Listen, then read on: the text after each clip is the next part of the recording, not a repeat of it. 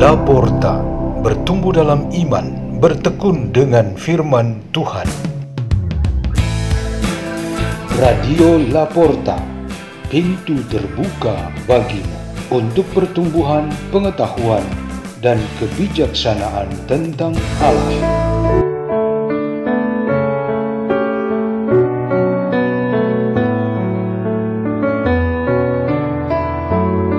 Bacaan dan Renungan Sabda Tuhan Hari Kamis Pekan ke-19 Masa Biasa 11 Agustus 2022 Peringatan Santa Clara Perawan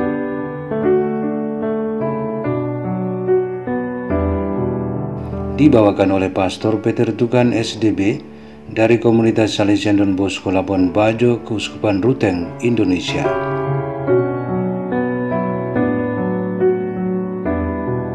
Inilah Injil suci menurut Matius bab 18 ayat 21 sampai bab 19 ayat 1. Sekali peristiwa datanglah Petrus kepada Yesus dan berkata, Tuhan, sampai berapa kali aku harus mengampuni saudaraku jika ia berbuat dosa terhadap aku?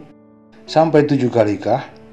Yesus menjawab, bukan hanya sampai tujuh kali, melainkan tujuh puluh kali tujuh kali. Sebab hal kerajaan surga itu seumpama seorang raja yang hendak mengadakan perhitungan dengan hamba-hambanya. Setelah ia mulai mengadakan perhitungan, dihadapkanlah kepadanya seorang yang berhutang sepuluh ribu talenta. Tetapi karena orang itu tidak mampu melunasi hutangnya, raja lalu memerintahkan supaya ia beserta anak, istri, dan segala miliknya dijual untuk membayar utangnya. Maka bersujudlah hamba itu dan menyembah dia katanya, sabarlah dahulu, segala utangku akan kulunasi. Tergeraklah hati raja oleh belas kasihan akan hamba itu, sehingga hamba itu dibebaskannya dan utangnya pun dihapuskannya. Tetapi ketika hamba itu keluar, ia bertemu dengan seorang hamba lain yang berutang seratus dinar kepadanya. Kawan itu segera ditangkap dan dicekik katanya, bayarlah hutang. Maka sujudlah kawan itu dan minta kepadanya, sabarlah dahulu, utangku itu akan kulunasi. Tetapi ia menolak dan menyerahkan kawannya ke dalam penjara sampai semua utangnya ia lunasi. Melihat itu kawan-kawannya yang lain sangat sedih, lalu menyampaikan segala yang terjadi kepada Tuhan mereka. Kemudian raja memerintahkan memanggil orang itu dan berkata kepadanya, Hai hamba yang jahat, seluruh utangmu telah kuhapuskan karena engkau memohonnya. Bukankah engkau pun harus mengasihani kawanmu seperti aku telah mengasihani engkau? Maka marahlah tuannya dan menyerahkan dia kepada Algojo-Algojo sampai ia melunasi seluruh utangnya. Demikian pula Bapakku yang di surga akan berbuat terhadapmu jika kalian tidak mengampuni saudaramu dengan segenap hatimu. Setelah Yesus selesai dengan pengajarannya, berangkatlah ia dari Galilea dan tiba di daerah Yudea di seberang sungai Yordan. Demikianlah sabda Tuhan.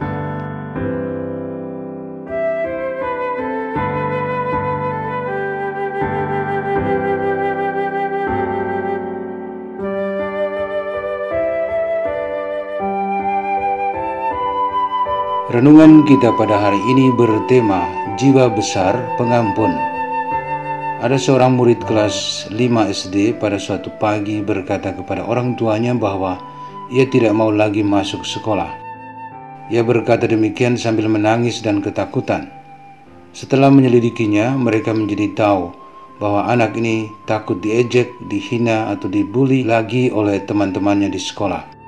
Ia sudah berusaha sabar terhadap mereka, bermain dengan mereka, bahkan berbagi jajan dengan mereka, tetapi tetap saja ia disakiti.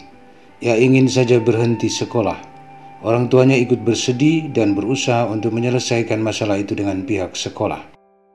Pengalaman pahit murid itu jangan dianggap sekedar human error atau kekeliruan manusiawi, tetapi sebuah pola pergaulan jelek di sekolah yang harus diperbaiki.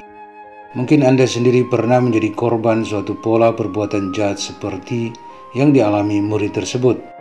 Dalam menghadapi kesulitan seperti itu, ada orang yang mampu menyelesaikannya dengan kemampuannya sendiri, tetapi yang lain tidak mampu, sehingga mereka membutuhkan bantuan orang lain untuk mengatasinya dengan segera.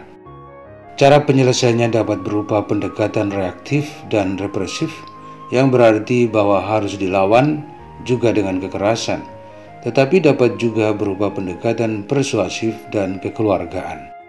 Satu ajaran Kristiani yang selalu dekat di hati para pengikut Kristus ketika mengalami peristiwa hidup seperti ini ialah memiliki jiwa besar sebagai seorang pengampun dan rela untuk mengampuni. Nabi Yeskiel di dalam bacaan pertama menggambarkan suatu tindakan memberikan ampun melalui sebuah sikap menolak kekerasan, tetapi juga bukan suatu sikap pasif atau diam. Ia mengajarkan sebuah sikap mengalah dan menjadikan diri sebagai korban dari perbuatan orang-orang jahat. Ini untuk mengingatkan bahwa mereka juga pada saatnya akan mengalami kesusahan yang setimpal dengan perbuatannya itu. Cara mengampuni seperti ini sama dengan mengatakan, Tuhan, ampunilah mereka karena mereka tidak tahu apa yang mereka perbuat.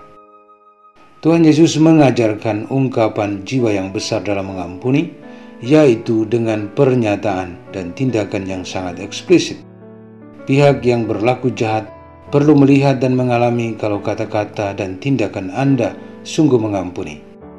Pengampunan seperti ini tidak boleh diukur sampai berapa kali, yaitu secara kuantitas dan juga secara kualitas seperti batas kesabaran, kelelahan, kebosanan, dan menyerah. Yesus tahu kecenderungan pembatasan ini ada pada para muridnya dan kita semua. Oleh karena itu ia menegaskan bahwa suatu jiwa yang besar dalam mengampuni ialah yang tidak ada batasnya. Ini disimbolkan dengan 70 kali tujuh kali. Marilah kita berdoa dalam nama Bapa dan Putra dan Roh Kudus. Amin. Ya Tuhan, lembutkan hati kami supaya kami dapat mengampuni tanpa batas. Apabila kami tidak kuat lagi mengampuni, berilah kami rohmu yang membuat kami mampu. Kemuliaan kepada Bapa dan Putra dan Roh Kudus, seperti pada permulaan, sekarang, selalu, dan sepanjang segala abad. Amin. Dalam nama Bapa dan Putra dan Roh Kudus. Amin. Radio Laporta, pintu terbuka bagi